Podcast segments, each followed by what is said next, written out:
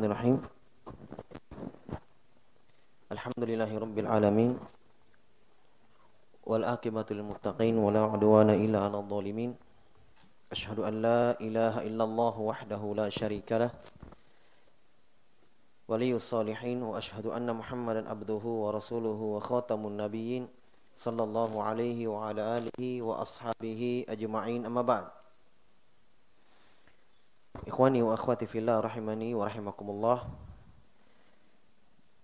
Alhamdulillah kita bersyukur kepada Allah Subhanahu wa taala pada malam hari ini kita kembali diberikan kemudahan oleh Allah Subhanahu wa taala untuk melanjutkan kembali kajian rutin kita dalam membaca Lum'atul I'tiqad karya Ibnu Qudamah Al-Maqdisi rahimahullahu taala. Yang di mana buku ini berisi tentang akidah ahli sunnah wal jamaah yang disepakati oleh para salaf yang diambil dari Al-Quran dan sunnah Rasul sallallahu alaihi wa alihi wasallam. Ya, kita masih di pembahasan yaitu mengulas tentang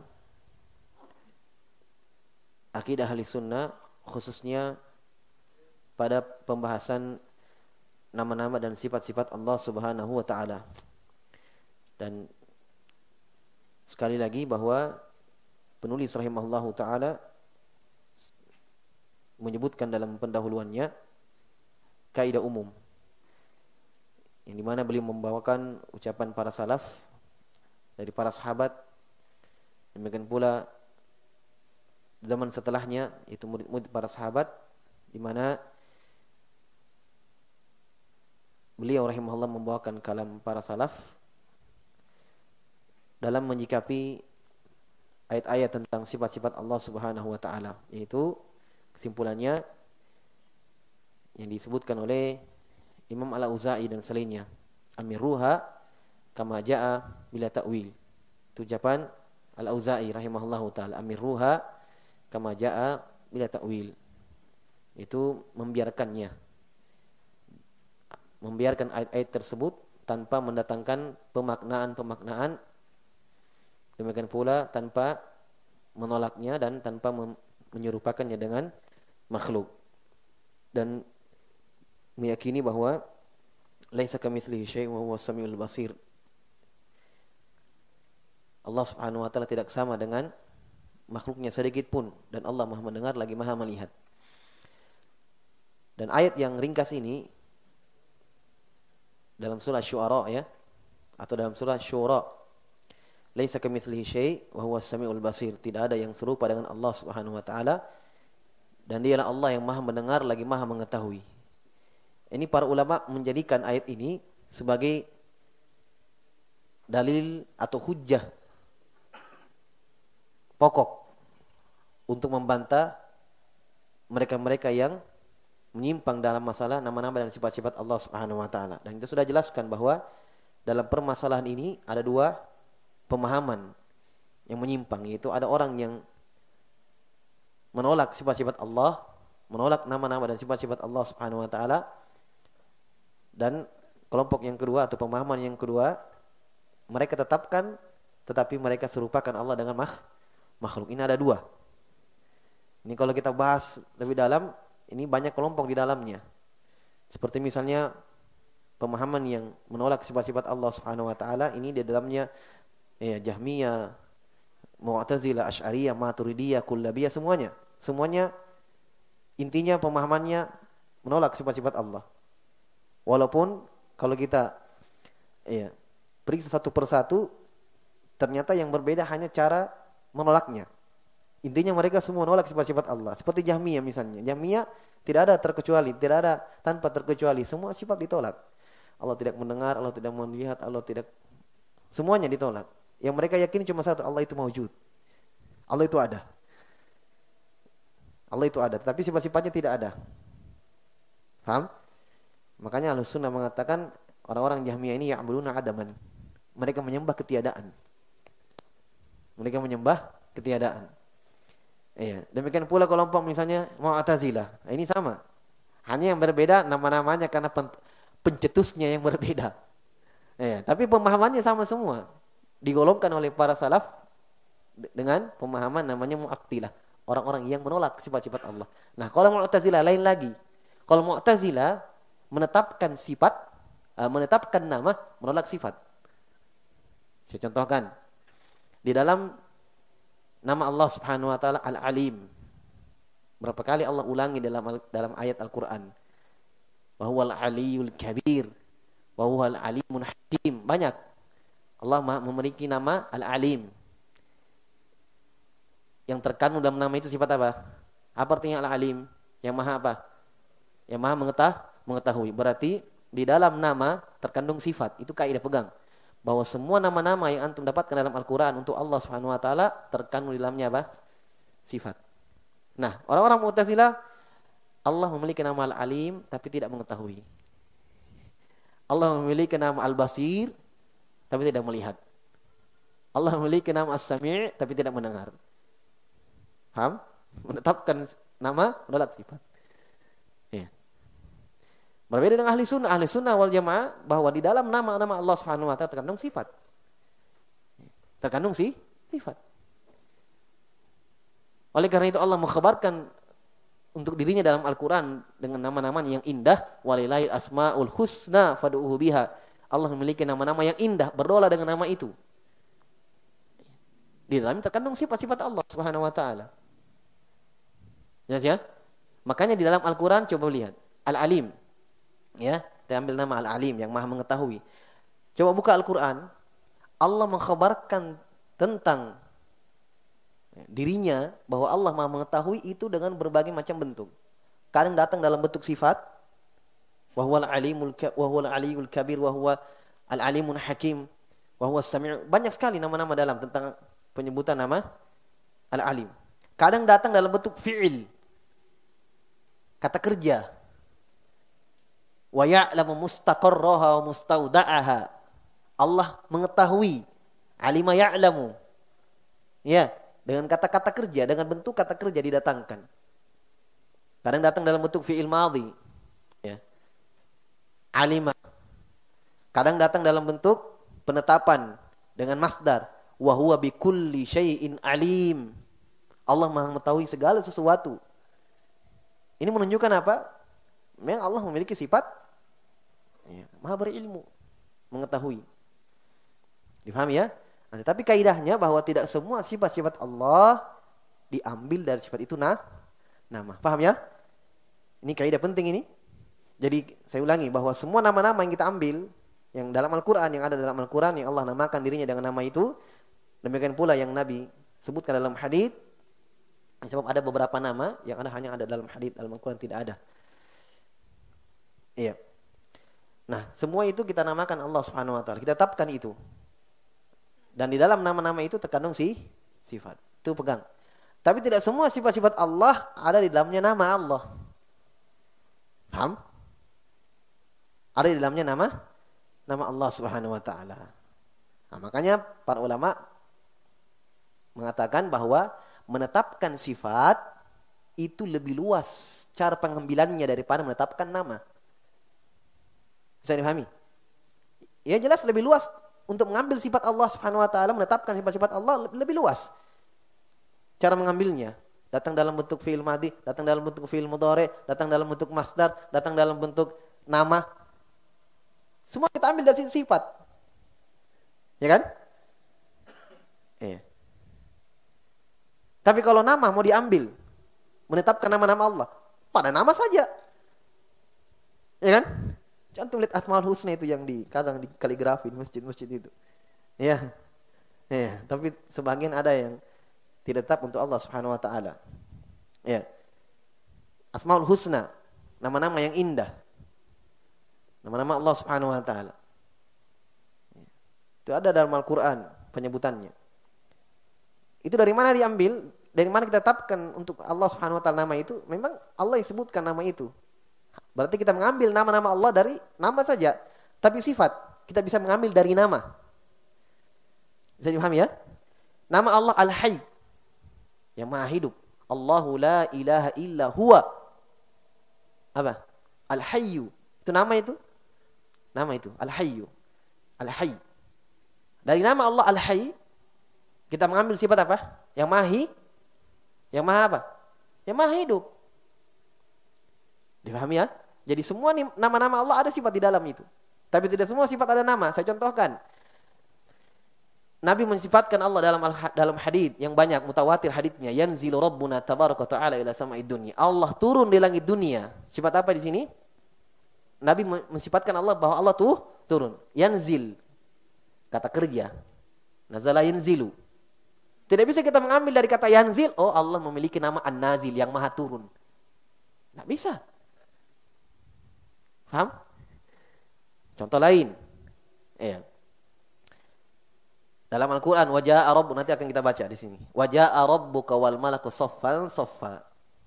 Akan datang Allah pada hari kiamat nanti. Ini Allah yang mengkhabarkan untuk dirinya. Bahwa akan datang nanti Allah pada hari kiamat untuk memutuskan perkara seluruh manusia, seluruh hamba. Berarti Allah mengkhabarkan untuk dirinya akan datang pada hari kiamat. Ja'a. Kata kerja. Nah boleh dari, oh berarti Allah memiliki nama Al-Ja'i yang maha datang. Jelas ya? Taib, seperti itu dan seterusnya dari penyebutan nama-nama dan sifat-sifat Allah Subhanahu wa taala. Jadi ini mereka-mereka yang berpemahaman menolak sifat-sifat Allah Subhanahu wa taala. Ada lagi orang-orang Asy'ariyah. Ini yang paling sering kita dengar ya. Banyak. Ya. Mereka kalau dilihat pemahaman mereka ini sama sebenarnya. Yaitu apa? Nah, menolak sifat-sifat Allah. Sebab memang Abu Abu Abul Hasan al Ashari ya dari situlah lahir. Kenapa ada kelompok Ash'ariyah ini? Itu Abu Hasan al Ashari ini terpengaruh dengan pemahaman orang-orang Maturidiyah. Mu'tazilah sama semua terpengaruh di situ. Intinya menolak sifat-sifat Allah Subhanahu wa taala.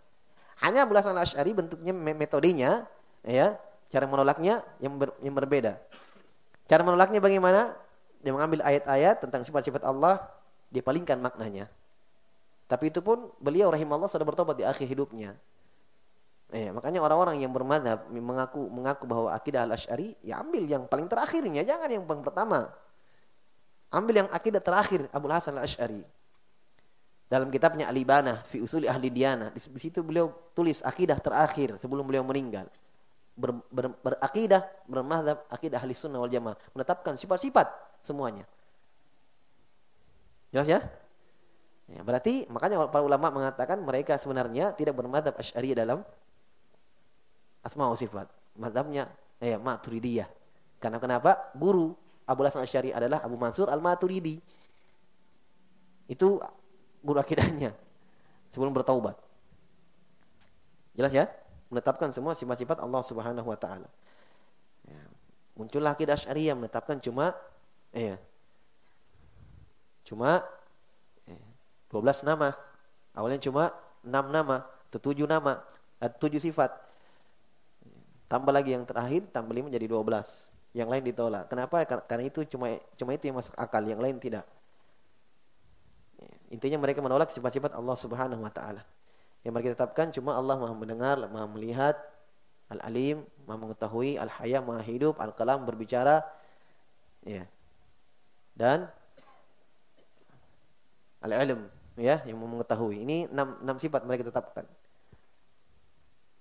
Itu pun kalau dilihat cara menetapkannya tetap tidak sama dengan ahli sunnah. Seperti misalnya sifat kalam nanti akan kita sebutkan. Orang-orang Asy'ari menetapkan Allah berbicara. Tapi pembicaraan Allah kalam nafsi. Pembicaraan Allah hanya berbicara pada dirinya sendiri saja. Tanpa suara, tanpa huruf. Seperti sama saja Allah tidak berbicara kalau begitu. Dia katakan Allah berbicara iya, tapi bila saud, bila huruf, tanpa suara, tanpa huruf. Terus maksudnya apa? Hanya ada dalam dirinya saja, kalam nafsi. Terus Al-Quran yang kalian baca ini kalamnya siapa? Itu kalam Jibril yang Jibril ungkap takbir apa yang dia paham dari diri Allah, Jibril yang sampaikan kepada Nabi SAW itulah yang kita baca. Berarti intinya apa? Al-Quran mah Al-Quran adalah mah makhluk. Ucapan Jibril. Itu kesimpulannya orang Asy'ari. Jadi sama saja sebenarnya mereka tidak menetapkan sifat-sifat Allah Subhanahu wa taala. Jelas ya? Ini kelompok yang menafikan sifat-sifat Allah. Yang kedua, ada yang menetapkan tapi ekstrim. Kalau ini kan mereka menyepelekan. Pemahaman yang kedua ekstrim, menetapkan tapi dia serupakan dengan makh makhluk. Ini orang-orang gulati, orang-orang gulat sufia, orang-orang rafidah di sini semua. Mereka mujassimah. Iya. Menetapkan sifat itu tapi dia serupakan dengan makh makhluk. Oleh karena itu kata para ulama musyabbiha, mumathila ini mereka ya'buduna sonaman. Iya. Menyembah patung, menyembah berhala. Ya, karena tangan sama dengan tangan kita. Ya, pendengar sama dengan pendengaran kita. Semua sama dengan kita. Berarti yang kalian sembah siapa? yang kalian sembah itu berhala berarti. Baik. Karena itu sebagaimana kita sebutkan tadi bahwa ayat laisa kamitsli syai' wa huwa basir membantah dua pemahaman ini. Laisa kamitsli syai', tidak ada yang serupa dengan Allah Subhanahu wa taala membantah orang mumatsil, musyabbihah. Yang menetapkan sifat itu tapi menyerupakan dengan makhluk Allah sudah bantah mereka. Laisa kamitslihi wa huwa samiul basir. Allah tetapkan setelah itu Allah Maha mendengar lagi Maha melihat membantah siapa? Orang-orang mu'attilah yang, yang menolak apa? Sifat-sifat Allah Subhanahu wa taala. Allah tetapkan wa huwa samiul basir. Dialah Allah yang Maha mendengar lagi Maha melihat. Jelas ya? Jadi ayat yang ringkas itu membantah dua pemahaman. Nah, maka dari situ kita melihat bahwa ahli sunnah di pertengahan ahlu sunnah wal jamaah di, per, di pertengahan antara kutub ekstrim dan menyepelekan. Yang ekstrim yang menetapkan tapi merupa, menyerupakan. Ini lebih. Iya, berarti berlebihan. Kalau yang menolak, berarti ini menyepelekan. Ya, ahlu sunnah di pertengahan. Menetapkan sifat-sifat itu tapi tanpa menyerupakan dengan mak makhluk. Itulah jalan yang lurus. Baik. Kita sebutkan uh, kelanjutan Lumatul Itiqad Berkata Ibnu Qudamah di sini rahimahullah taala masih membawakan contoh-contoh ya ayat-ayat yang menyebutkan tentang sifat-sifat Allah Subhanahu wa taala dalam Al-Qur'an. Sudah berapa ayat ayat kita sebut? Dua ya. Sifat uh, apa yang pertama? Wajah baru yang kedua apa? Tangan.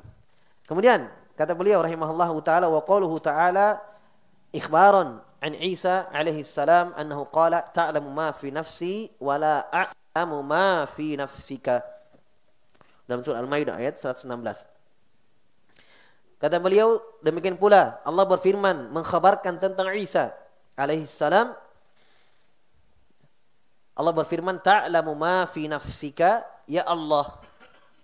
Ucapan Isa alaihi salam, "Engkau mengetahui apa yang ada pada diriku, wala a'lamu ma fi nafsika." Dan saya tidak mengetahui apa yang ada pada dirimu.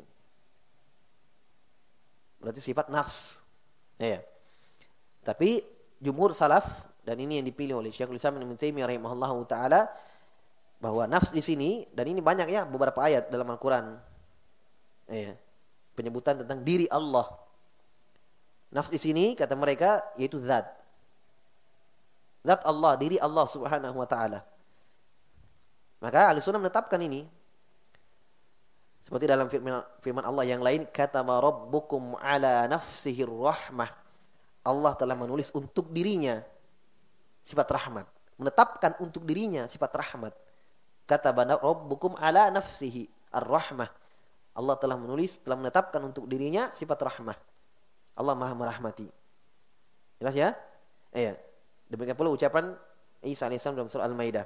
Demikian pula dalam hadis yang diriwayatkan oleh Imam Muslim Nabi bersabda dalam doa dalam zikir subhanallah wa bihamdih. Maha suci Allah ya, dengan pujian-pujian untuknya ada khalqih.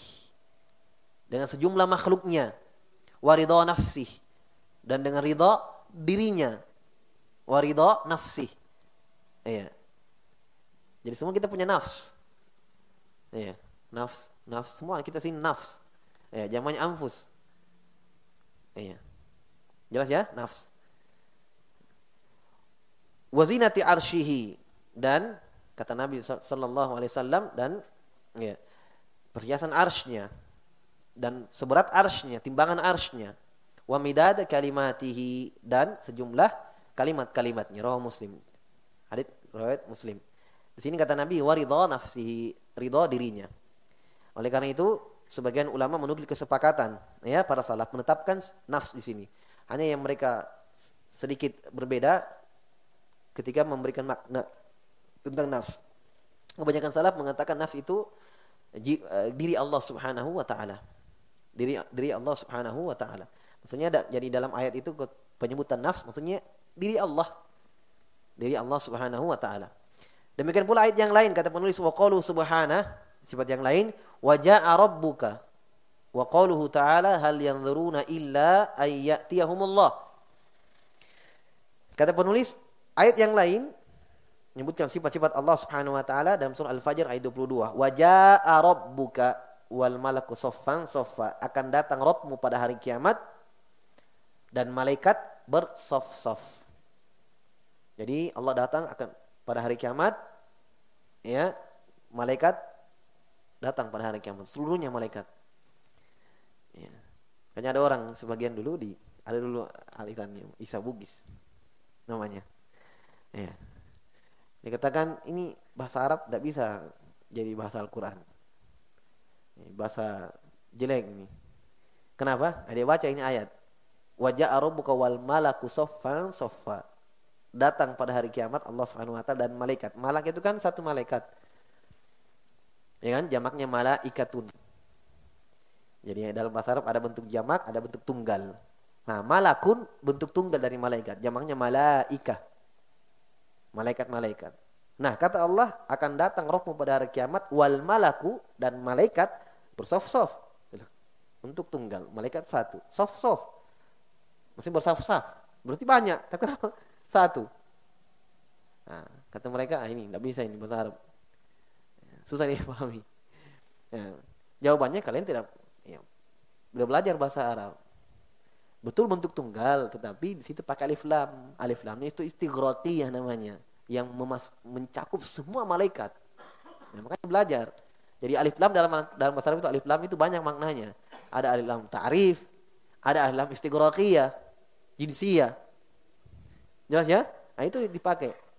Memang bentuk tunggal, tetapi di ketika pakai alif lam istighraqiyah jinsiyah, alif lam istighraqiyah mencakup umum semuanya, makanya disebutkan setelahnya soft, bersoft-soft. Jadi semua malaikat, walaupun malaikat Jibril, semuanya akan datang pada hari kiamat. Di situ di situ Allah Subhanahu wa taala memutuskan perkara. Iya. Menghisap seluruh hamba-hambanya. Jadi di sini penetapan sifat maji namanya, sifat maji datang. Maka kita tetapkan sesuai dengan kebesaran dan kemuliaan Allah Subhanahu wa taala. Demikian pula ayat setelahnya hal yang duruna illa mereka tidak menunggu yaitu orang-orang kafir mereka tidak menunggu kecuali ayat tiahumullah Allah datang kepada mereka nanti pada hari kiamat. Sama-sama ya jaa dan itian sifat yang sama bermakna datang pada hari kiamat. Demikian pula dalam hadis. Jadi sifat ini ditetapkan dalam Al-Qur'an, sunnah dan kesepakatan para ulama. Dalam hadis kata Nabi sallallahu alaihi wasallam hatta idza lam yabqa illa may ya'budullaha atahum rabbul alamin Bukhari dan Muslim. Ini hadis panjang ketika Nabi mengatakan sampai-sampai nanti tidak ada yang tersisa kecuali yang menyembah kepada Allah Subhanahu wa taala atahum rabbul alamin. Datang kepada mereka Allah Subhanahu wa taala penguasa alam semesta. Atahum ya, datang kepada mereka pada hari kiamat. Maka dari sinilah para ulama bersepakat menetapkan sifat al-ityan. Ya, al-maji, datang. Nah, dari beberapa ayat yang kita sebutkan, beberapa eh, apa? beberapa sifat-sifat Allah Subhanahu wa taala yang beliau sebutkan. Di sini saya ingin ingatkan satu kaidah lagi tentang sifat-sifat Allah Subhanahu wa taala. Sifat-sifat Allah Subhanahu wa taala itu terbagi dua. Ya, sebelum kita lanjut lebih jauh, ya, sepantum punya kaidah. Pembagian yang sebelumnya pada pekan lalu kita sudah jelaskan bahwa sifat-sifat Allah dalam Al-Quran terbagi dua. Sifat yang bentuknya penafian dan bentuknya penetah, penetapan. Sudah kan? Iya. Bentuknya penetapan yang paling banyak. Allah Maha mendengar, Allah Maha melihat, Allah Subhanahu wa taala Maha berilmu, Maha hidup. Ada juga sifat yang bentuknya ditiadakan dari Allah. Allah tidak ya, lupa, Allah tidak tidur. Ya. Allah tidak ngantuk. Ini semua kita nafikan dari Allah Subhanahu wa taala kita tolak. Jelas ya? Baik. Nah, sifat-sifat yang bentuknya penetapan tadi ini yang Allah Maha berilmu dan seterusnya, ini terbagi dua. Ada namanya sifat fi'liyah dan ada namanya sifat zatiyah. Paham? Saya ulangi. Ada namanya sifat zatiyah dan yang kedua sifat fi'liyah. Apa ini zatiyah? Sifat zatiyah, sifat yang terus-menerus ada pada Allah Subhanahu wa taala. Allah bersifat dengan sifat itu. Seperti yang sudah lewat tangan. Ya. Pendengaran. Penglihatan. Tidak bisa kita katakan Allah melihat hari ini, besok tidak. Paham? Allah mendengar hari ini, besok tidak.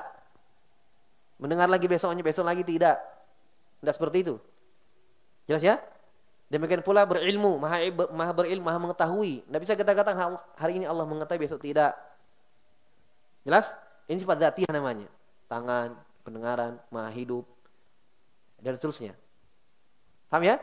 Nah, sifat yang kedua ada namanya sifat fi'liyah. Apa ini sifat fi'liyah? Dari kata fi'il, perbuatan. Maksudnya sifat-sifat Allah Subhanahu wa taala yang berkaitan dengan perbuatan Allah. Kapan Allah kehendaki? Allah berkehendak melakukannya. Kalau tidak Allah tidak melakukannya. Seperti apa? Turun. Paham? Seperti turun. Ya.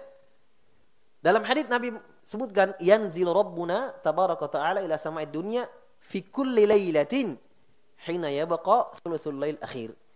Kata Nabi sallallahu alaihi wasallam, turun Rabb kita Allah Subhanahu wa taala turun di langit dunia setiap malam, sepertiga malam terakhir. Nabi sebutkan waktunya, berarti di situ Allah turun. Sebelumnya tidak. Kan begitu. Nabi sebutkan di malam hari, ya Allah turun. Berarti dari situ kita mengambil kesimpulan, oh berarti Turunnya Allah Subhanahu wa taala sesuai dengan apa? Sesuai dengan apa? Kehendaknya, keinginannya, perbuatannya itulah sifat fi'liyah. Contoh lain, mencintai. Ya kan? Ada yang Allah cintai. Sekarang saya tanya, apakah semua manusia dicintai oleh Allah? Semuanya? Tidak ada yang dibenci kan? Magdubi alaihim waladhdallin. Bukan yang engkau orang-orang yang engkau murkai ya Allah. Yang engkau benci. Orang-orang kafir. Tidak dicintai oleh Allah Subhanahu wa taala. Berarti sifat cinta Allah Subhanahu wa taala sesuai dengan apa? Hah? Sesuai dengan kehendaknya, sesuai dengan perbuatannya dan keinginannya. Paham? Bisa dipahami perbedaannya? Sifat dzatiyah dan sifat fi'il fi'liyah. Sifat fi'liyah itu sekali lagi bahwa sifat yang Allah Subhanahu wa taala bersifat dengan sifat itu iya, tapi sesuai dengan kehendaknya. Berkaitan dengan perbuatan Allah Subhanahu wa taala. Demikian pula sifat nanti kita akan baca sifat ghadab, marah, murka, Nah, ini ini yang barusan kita baca sifat datang. Kapan Allah datang? Kapan? Pada hari kiamat. Kan begitu? Sekarang belum. Pada hari kiamat Allah datang. Berarti sesuai dengan keinginannya. Sesuai dengan kehendaknya. Jadi paham ya? Ini sifat fi'liyah. Taib. Yang kedua, yang pertama tadi sifat ya. Yang kedua sifat fi'liyah. Itu diingat. Ya, sifat al-itian maji ini termasuk sifat fi'liyah. Demikian pula kata beliau rahimahullah wa qauluhu ta'ala sifat yang lain radhiyallahu anhum wa radu anhu. Allah berfirman Allah ridha kepada mereka wa radu anhu dan mereka ridha kepada Allah Subhanahu wa taala. Sifat apa ini? Ridha. Radhiyallahu Allah ridha kepada mereka. Allah ridha kepada mereka. Ini banyak ya dalam ayat. Demikian pula dalam hadis kata Nabi sallallahu alaihi wasallam contohnya dalam hadis diriwayatkan oleh Imam Muslim dari sahabat Anas bin Malik. Kata Nabi, "Innallaha la yar innallaha la yardha 'anil 'abdi ay ya'kula al-akalata fayah fayahmadallah fayahmadahu fayahmidahu 'alaiha aw yashraba asy-syurbata fayahmadahu 'alaiha." Rawahu Muslim. Kata Nabi sallallahu alaihi wasallam, Allah meridhai seorang hamba yang makan satu makanan iya fayahmidahu dan dia memuji Allah atas nikmat itu, makanan itu. Wa yashraba syurbata dan meminum satu minuman ya fayahmidahu alaiha Allah dan dia memuji Allah Subhanahu wa taala dengan makanan itu, minuman itu. Jadi kalau makan atau minum, ya setelah itu langsung mengucapkan alhamdulillah. Bukan nanti ketika bersendawa baru alhamdulillah. Tapi ya setelah makan langsung alhamdulillah, minum alhamdulillah. Seperti itu ya. Ini hadis. Di situ dikatakan innallaha la yardha. Allah ri ridha. Allah Allah ridho kepada seorang hamba. Oleh karena itu kata para ulama sifat ridho ditetapkan eh, dalam Al-Qur'an eh, sunnah dan kesepakatan para ulama. Ijma para ulama. Iya. Nah, mereka orang-orang Asy'ariyah dan semisal mereka ini sifat-sifat seperti ini fi'liyah itu mereka tolak. Sekali lagi kembali kepada tujuh sifat yang mereka tetapkan, yang lain itu ditolak. Eh, makanya hati-hati baca buku-buku uh, tafsir-tafsir yang tidak berakidah salaf. Mereka datangkan pemaknaan-pemaknaan sesuai dengan keinginan mereka. Yang jelas sifat ini harus tertolak, harus tertolak dari Allah Subhanahu wa taala. Sifat ridho, mereka katakan apa? Ridho maksudnya di situ radhiyallahu anhu yaitu Allah ingin membalas mereka. Ingin membalas mereka. Ya. Itu berarti sifat irodah. Allah ingin membalas lain, itu sifat yang lain. Ridho sifat yang lain. Paham ya? Itu sering mereka seperti itu, menafsirkan sifat dengan sifat-sifat yang mirip. Atau kadang menafsirkan satu sifat Allah Subhanahu wa taala dengan sifat yang iya, merupakan konsekuensi sifat itu. Konsekuensi sifat itu. Seperti misalnya tadi, iya, ridho, mereka tafsirkan dengan datangkan makna dengan makna apa? Allah ingin membalas. Iya. Ini kan hasil atau konsekuensi dari sifat ridho. Tapi bukan sifat ridho itu ingin membalas. Mereka katakan apa? Allah maksudnya ingin membalas. Yang jelas berarti Allah tidak meridhoi. Tidak ada dari Allah sifat-sifat itu. Jelas ya? Yang mirip dengan penafsiran mereka tentang tangan, mereka katakan nikmat, mereka katakan kemampuan, mereka katakan kekuatan dan seterusnya. Dari pemaknaan-pemaknaan yang mereka datangkan sesuai dengan hawa nafsu mereka. Ya. Seperti maji tadi yang sebelumnya datang pada hari kiamat itu mereka tolak juga. Kata mereka yang datang di sini bukan Allah tapi malaikatnya. Padahal setelahnya di situ baru malaikat yang datang. Allah sudah disebutkan juga. Iya. Jelas ya? Iya. Oh yang datang bukan malaikat. Yang datang itu ya perintahnya, larangannya. Sama dengan turun, nanti kita akan sebutkan juga hadit-haditnya. Mereka katakan yang turun itu bukan Allah tapi malaikatnya. Subhanallah. Tapi demikianlah ya. Sebelum mereka mengatakan mendatangkan kerancuan kerancuan seperti itu, Allah Subhanahu wa taala Maha sempurna, Maha mengetahui sebelum kalian lahir, wahai orang-orang Mu'attilah. Allah sudah menutup semua itu. Oleh karena itu ketika Nabi menyebutkan tentang sifat turun, yanzilu rabbuna tabaraka taala, setelah itu kata Nabi apa? Allah berfirman, "May yad'uni fa astajibalah, may yastaghfiruni fa aghfirullah." Bagaimana bisa malaikat mengatakan itu kalau malaikat yang turun? Kata Nabi SAW, Allah turun langit dunia seperti malam terakhir, dan Allah mengatakan siapa yang berdoa kepada saya akan kabulkan. Siapa yang meminta ampunan kepada aku saya akan ampuni. Kalau kalian mengatakan malaikat yang turun, malaikat yang katakan itu. Malaikat yang mengampuni. Malaikat yang menjawab doa. Hati-hati syirik. Hati-hati kalian. Ya. Nggak bisa mereka tolak gitu. Nggak bisa mereka bantah. Sudah ada yang bantahannya. Sudah tertutup semua. Ya. Tapi demikianlah sudah sunatullah itu eh, berjalan. Akan ada orang-orang yang menentang Allah Subhanahu wa taala. Baik. Jadi ini sifat yang berikutnya yang beliau sebutkan sifat ridha. Ya, kita tetapkan sesuai dengan kemuliaan dan kebesaran Allah Subhanahu wa taala. Sifat yang berikutnya wa qauluhu ta'ala yuhibbuhum wa yuhibbuna. Yuhibbuhum wa yuhibbuna. Allah mencintai mereka dan mereka mencintai Allah Subhanahu wa taala. Sifat apa ini? Hah? Mencintai. Yuhibbuhum. Allah cinta kepada mereka. Wa yuhibbunahu.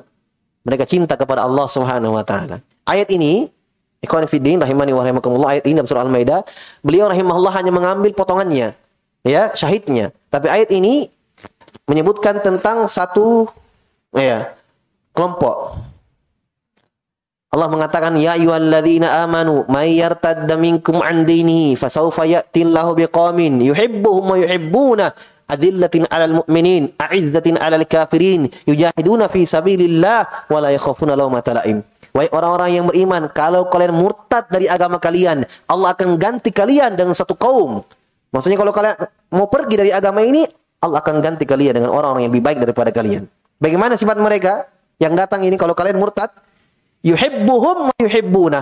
Allah cinta mereka, mereka cinta kepada Allah Subhanahu wa taala.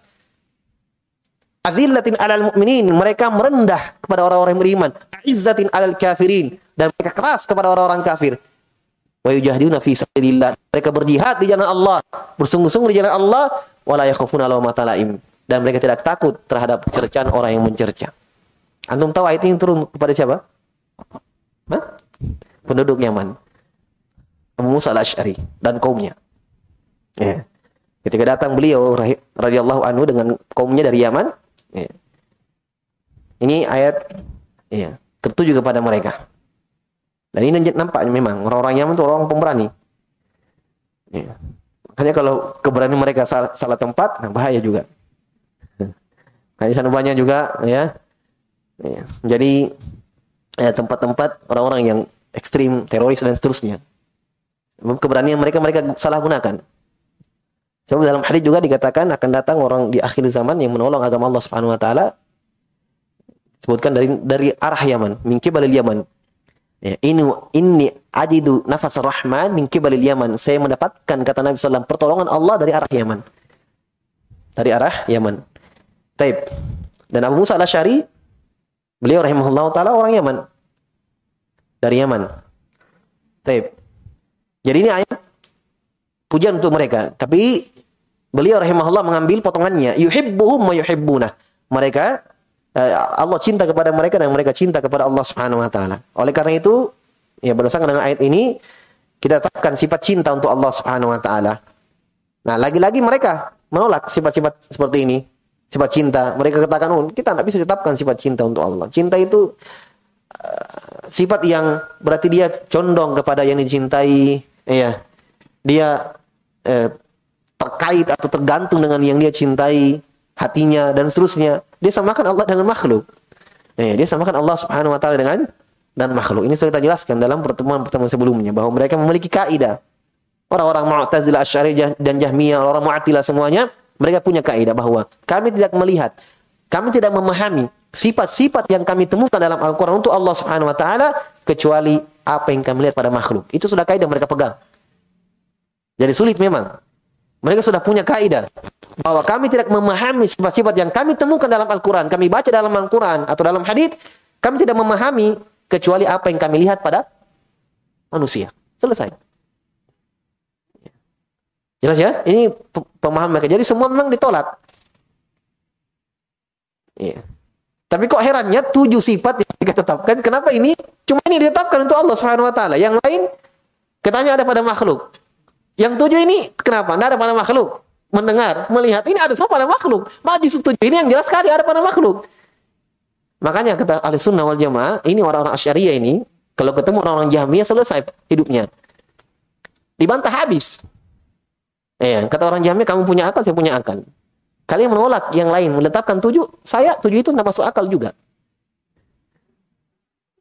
Saya tujuh tidak masuk akal. Atau tahu tujuh sifat ini mereka tetapkan. Saya ulangi lagi ya ilmu. Eh, ilmu, pendengaran, penglihatan, al-haya, maha hidup, al-kalam, maha berbicara, kudrah, kemampuan. Ya. Itu sifat yang mereka tetapkan. Yang lain mereka tolak. Ini tujuan ada semua pada manusia, ada pada makhluk. Kenapa yang, yang, yang lain kalian tolak, yang ini kalian tetapkan? Ya. Makanya orang Jahmiyah kalau kamu tolak, tolak semua. Makanya Jahmiyah menolak semuanya. Kenapa? Yang semuanya itu ada pada makhluk. Kata orang Jahmiyah. Itulah itu bukti besar bahwa memang mereka beragama sesuai dengan hawa nafsu. Sesuai dengan hawa nafsu. Nah, datang asyariah terakhir tambah lagi lima jadi dua belas. Itu yang dinyanyikan waktu kita kecil. Ya, kiam bin nafsihi ilmu, hayat dan seterusnya. Kudrah iradah dan seterusnya. Dua belas. Iya. Tambah lima lagi. Iya. Tambah saja semua. Tetapkan semua. Kamu jadi ahli sunnah. Kan begitu. Eh. Jelas ya? Taib. Dalam dalam ayat yang lain tentang penyebutan sifat cinta ini banyak ya dalam Al-Qur'an. Hanya belum cukupkan satu ayat, itu sudah cukup bagi kita. Dalam hadis dalam hadis contohnya dicontohkan oleh uh, Ibnu Saimin dalam syarahnya ucapan Nabi dalam kisah perang Khaybar. Ya. Kata Nabi sallallahu alaihi wasallam la utiyanna rajulan yuhibbullah yuhibbullah yuhibbullah wa rasulahu yuhibbuhullah wa rasuluh. Kata Nabi SAW, saya akan memberikan, ini pada malam hari beliau katakan, di depan para sahabat, saya akan memberikan besok bendera ini ya ke, kepada seorang lelaki. Nabi tidak sebut namanya. Lelaki ini, dia mencintai Allah dan Rasulnya, Allah dan Rasulnya mencintai dia. Ya. Nabi tidak sebutkan namanya, tapi Nabi sudah puji orangnya. Jadi sahabat besok pagi, belum, ya belum habis sholat subuh langsung bergegas bersama Nabi SAW lari berlomba. Ya, berlomba datang mendatangi Nabi. Mau apa kira-kira? Hah? Mau ambil bendera itu? Nabi kan sudah puji orangnya. Ya. Bawa bendera ini saya kasih kepada orang besok, besok pagi, kepada yang khaybar, kepada orang yang dia mencintai Allah dan Rasulnya, Allah dan Rasul mencintai dia. Mereka bergas kepada Nabi SAW. Kemudian, ketika mereka sampai di depan Nabi SAW, mengatakan, Aina Ali bin Abi Thalib. Kenapa saya lihat Ali? Mana Ali bin Abi Thalib? Ya. Maka seorang sahabat mengatakan di situ, "Ya Rasulullah, ya, huwa huwa ishtaka ainai." Beliau sakit matanya. Kata Nabi panggil ke sini. Ya, nah, sahabat mengatakan, "Dosa cari dia Rasulullah, tidak ada." Ya, kami saja ini yang ada saja. Tidak. Memang Nabi ingin memberi kepada Ali bin Abi Thalib. Ya. Maka Ali bin Abi Thalib didatangkan, maka Nabi mengobati matanya, merukyahnya dan apa, meniup disertai dengan air liur beliau, maka Kata sahabat yang meriwayatkan hadits ini, mata beliau tiba-tiba sembuh seakan-akan tidak pernah sakit. Maka beliaulah pemilik bendera itu. Maka Allah menangkan peperangan itu melalui tangan Ali bin Abi Thalib radhiyallahu taala. Itu Nabi menyebutkan, ya, yuhibbullahu yuhibbuhullahu wa rasuluh. Allah dan Rasulnya mencintai dia. Allah dan Rasulnya mencintai dia. Ya, dan masih banyak hadis-hadis yang lain yang menetapkan sifat cinta untuk Allah Subhanahu wa taala, maka kita tetapkan sifat ini sesuai dengan kemuliaan dan kebesaran Allah Subhanahu wa taala. Tidak berbeda dengan ya berbeda dengan cinta manusia. Sifat cinta manusia berbeda apa? Berbeda dengan sifat cinta Allah Subhanahu wa taala. Baik. Wa qauluhu ta'ala. Sifat cinta ini kalau kita lihat, eh, dzatiyah atau fi'liyah? Fi'liyah. Masya Allah. Wa qaluhu ta'ala fil kufar. Allah berfirman ayat setelahnya, sifat setelahnya. Allah berfirman untuk orang-orang kufar, orang kafir, wa ghadiballahu alaihim wa ghadibal ghadiballahu alaihim. Allah murka, ghadib itu marah ya, murka. Allah murka kepada mereka. Ini sifat murka. Demikian pula dalam ayat yang lain ketika membunuh, "Wa yaqtul mu'minan muta'ammidan fajazau jahannam khalidan fiha faghadiballahu 'alaihi wa la'ana." Ya, siapa yang membunuh seorang beriman secara sengaja, ya. Maka kata Allah Subhanahu wa taala, "Faghadiballahu 'alaihi wa la'ana." Allah murka kepadanya. Dan seterusnya dari ayat-ayat ya.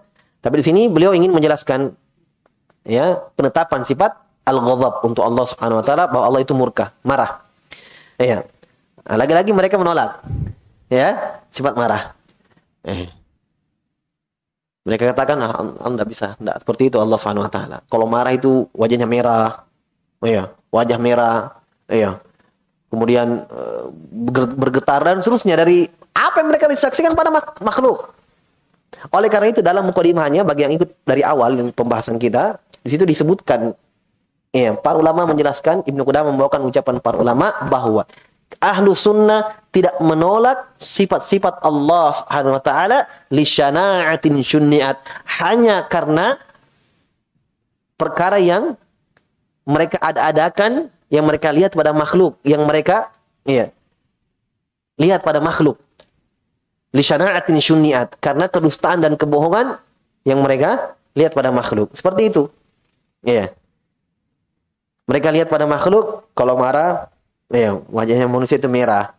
Nah, maka ketika mereka baca ayat seperti ini, oh benar, tidak seperti itu Allah Subhanahu. Mereka tolak. Ya, seperti sifat kalam misalnya, sifat kalam Allah berbicara nanti akan ada ayat-ayatnya. Mereka tolak juga. Kenapa? Oh, kalau Allah berbicara, Allah butuh lidah. Butuh tenggorokan untuk tempat keluarnya huruf-huruf. Subhanallah. Ini syanaah, kekurang ajaran yang mereka buat-buat. Ya. Ibnu Qudamah sudah menyebutkan ahli sunnah tidak menolak sifat-sifat Allah Subhanahu. Apalagi hanya dengan kekurang ajaran, kedustaan yang mereka buat-buat. Yang mereka lihat ada pada makhluk. Baik. Maka ahli sunnah menetapkan sifat al-ghadab. Ya, marah sesuai dengan kebesaran dan kemuliaan Allah Subhanahu wa taala. Ada dalam hadis, ya dalam hadis ada juga. Dalam hadis kata Nabi sallallahu alaihi wasallam dalam hadis Abu Hurairah yang dikeluarkan Bukhari dan Muslim, Nabi bersabda, "Inna Allah kataba kitaban indahu fawqal arsy, inna rahmati sabaqat ghadabi." Dalam riwayat yang lain, taglibu ghadabi. Kata Nabi sallallahu alaihi wasallam, Allah sudah menetapkan dan menulis di sisinya di atas arsh bahwa rahmatku kata Allah mengalahkan murkaku. Rahmatku mengalahkan murkaku. Ya. Jadi rahmat Allah Subhanahu wa taala luas. Dan demikian pula para ulama menetapkan sifat al-ghadab untuk Allah Subhanahu wa taala sekali lagi sesuai dengan kebesaran dan kemuliaan Allah Subhanahu wa taala yang tidak sama dengan makhluknya. Baik. Sudah ada ya, fadal. Kita cukupkan dulu insyaallah taala kita lanjutkan pada pertemuan selanjutnya. Wallahu alam bisawab. Allah. Ya kebetulan tinggal dua ayat lagi. Ya, baru beliau berpindah rahimahullah taala ke ke hadit-hadit. Ya, berpindah ke hadit-hadit. Jadi di sini beliau pisah ya penyebutannya. Ayat-ayat eh, tentang sifat Kemudian setelah itu hadit-hadit. Setelah itu hadit-hadit. Yang berikutnya kata beliau rahimahullah taala wa qaluhu taala karihallahu mi'athahum Sebelumnya ya. Wa qauluhu ta'ala ittabi'u ma asqatallah. Mereka mengikuti apa-apa yang mendatangkan murka Allah Subhanahu wa taala. Ya, mendatangkan murka Allah Subhanahu wa taala. Berarti sini penetapan sifat murka untuk Allah Subhanahu wa taala. Sakhut. Sakhut itu murka. Ini ini bermakna lebih keras daripada ghadab. Ya, murka itu syadidul ghadab. Ya, murka eh, apa lebih uh, keras daripada ghadab marah. Ya, sakat murka ya. Ini ditetapkan dalam Al-Qur'an. Dalam hadis Nabi bersabda dalam doanya dalam riwayat Muslim Nabi berdoa Allahumma inni a'udzu bi ridhaka min sakhatika wa bi mu'afatika min uqubatika. Kata Nabi ya Allah subhanahu ya Allah saya berlindung kepadamu dengan ridhamu dari murkamu. Ya, dari murkamu. Nah, di sini ada ilmu penting di sini. Nabi mengajarkan kita doa, jadi memohon perlindungan, ta'awud, ya, itu bisa dengan menggunakan sifat Allah. Jelas ya? Tidak langsung kepada Allah Subhanahu wa taala bisa dengan sifat-sifatnya. Kalau langsung ya, berarti a'udzubillah. Ya, a'udzubika. Ya kan? Nah, tapi ini bisa dengan sifat-sifat Allah. Seperti di sini Nabi a'udzu biridhaka. Saya berlindung ya Allah dengan ridhamu dari murkamu. Nah, sini penetapan sifat murka, min sakhatik. Kalau ridha sudah lewat ya. ya.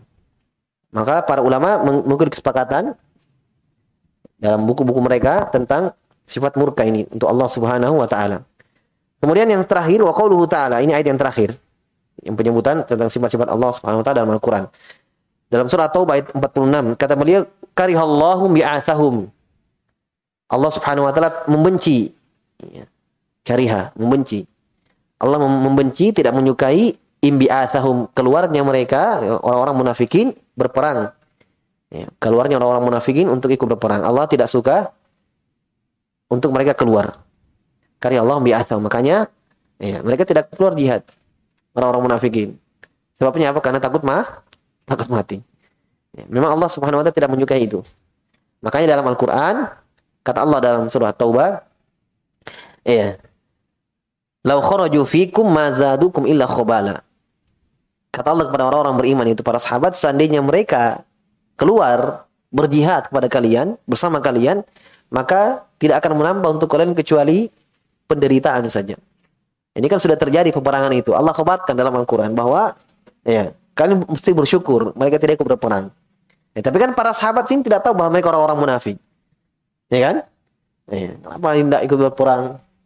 Ya, makanya ketika tiga, tiga orang sahabat yang tidak ikut berperang ini di ditahdir oleh Nabi SAW, ditinggalkan oleh Nabi dan para sahabat yang lain, diberikan hukuman, tapi mereka bertobat. Allah abadikan kisah ini dalam Al-Quran dan untuk tiga orang yang takhalluf dari jihad, tidak ikut berjihad di di peperangan. Ya. Maka mereka mengatakan kami bukan orang munafik. Ya. Karena memang ada kesibukan yang mereka lakukan sehingga tidak ikut berperang bersama Nabi Shallallahu Alaihi Wasallam. Sampai tiga orang sahabat ini ya kalau mereka ada di satu majelis maka sahabat yang lain langsung pergi. Ya karena memang mereka takut. Nabi menjauhi tiga orang sahabat ini. Bentuk hukuman untuk mereka agar mereka bertaubat. Sampai tiga orang salah satu di antara mereka bertiga ini datang kepada seorang sahabat yang mengatakan ya dia mengatakan kenapa kamu juga ikut? Ya membenci kami meninggalkan kami lihat wajahku, ada muka-muka orang munafik? Ya, apakah saya kamu lihat ada pada saya kemunafikan? Pak sahabat ini cuma diam dan pergi. Memang mereka mengikut ya kepada Nabi sallallahu alaihi wa ala alihi wasallam. Ya, demikian pula dalam hadis kata Nabi dalam hadis Allah kariha lakum kila wa qal wa kathratas su'al wa ida'atal mal. Kata Nabi sallallahu alaihi wasallam, Allah membenci untuk kalian kila wa ya omong apa tidak jelas, omongan yang tidak jelas, kila waqal gosip dan seterusnya. Wa kathrata su'al. Demikian pula Allah membenci banyak bertanya. Maksudnya banyak bertanya tapi pertanyaannya yang ta'annud, memberat-beratkan. Seperti pertanyaan Bani Israel ketika diperintahkan untuk menyembelih sapi betina. Ya kan? Allah tidak sebutkan warnanya dan umurnya. Tapi mereka umurnya berapa, warnanya apa. Ya. Yang ujung-ujungnya mereka tidak sembelih sapi itu. Nah, ini pertanyaan yang seperti ini ta'anud ini dibenci oleh Allah Subhanahu wa taala. Tapi kalau bertanya memang karena tidak tahu, ingin mengetahui hukum perkara syariat, maka itu diperbolehkan. Bahkan disyariatkan fasalu ala dzikrin kuntum la ta'lamun. Bertanyalah kepada orang yang mengetahui kalau kalian tidak mengetahui. Demikian pula itu atal mal, membuang-buang harta. Sehingga Nabi katakan innallaha kariha lakum. Allah Subhanahu wa taala membenci untuk kalian. Ya, selesai ya. Jadi ini semua ayat-ayat yang menjelaskan atau menyebutkan sifat-sifat untuk Allah Subhanahu wa taala dalam Al-Qur'an. Setelah itu Ibnu Qudamah rahimahullah taala menyebutkan nanti hadith-hadith ya. Beberapa hadith-hadith dari Nabi sallallahu alaihi wasallam yang menyebutkan sifat-sifat Allah Subhanahu wa taala. Dan insyaallah taala kita lanjutkan pada pertemuan setelahnya. Wallahu a'lam bisawab. Kita cukupkan dulu. Subhanakallahu bihamdik asyhadu an la ilaha anta astaghfiruka wa atubu ilaik. Wa akhiru da'wana alhamdulillahi rabbil alamin.